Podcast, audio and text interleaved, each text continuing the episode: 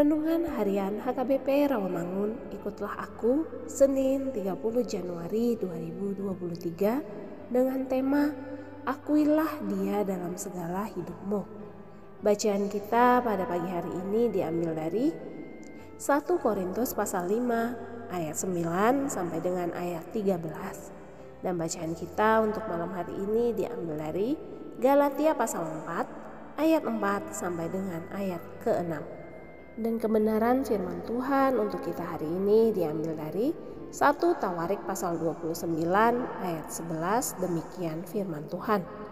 Ya Tuhan, punyamulah kebesaran dan kejayaan, kehormatan, kemasyuran, dan keagungan, ya segala-galanya yang ada di langit dan di bumi. Sahabat, ikutlah aku yang dikasihi Tuhan Yesus.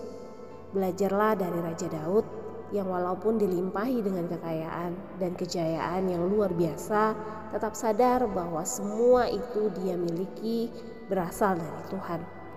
Daud tidak punya arti apa-apa. Meski telah menjadi orang besar, Daud tidak menjadi angkuh. Simak pengakuan Daud ini. Ya Tuhan, punyamulah kebesaran dan kejayaan, kehormatan, kemasyuran, dan keagungan ya segala-galanya yang ada di langit dan di bumi. Banyak orang jatuh terjerembab ke suatu kehidupan yang angkuh, apalagi mereka yang kaya dan berpangkat.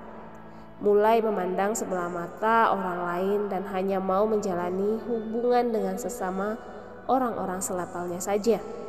Ingat, setiap kemegahan yang tidak memuliakan nama Tuhan adalah suatu keangkuhan oleh karena itu, kita perlu berhati-hati.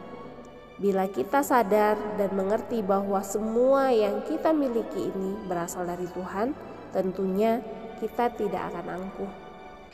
Jika kita saat ini berhasil dan sukses semata-mata karena campur tangan Tuhan, bukan karena kuat dan gagahnya kita. Kesuksesan haruslah disertai dengan kerendahan hati dan juga ucapan syukur kepada Tuhan sehingga kita tidak mencuri kemuliaan nama Tuhan.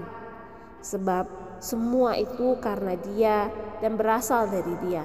Amin. Marilah kita berdoa.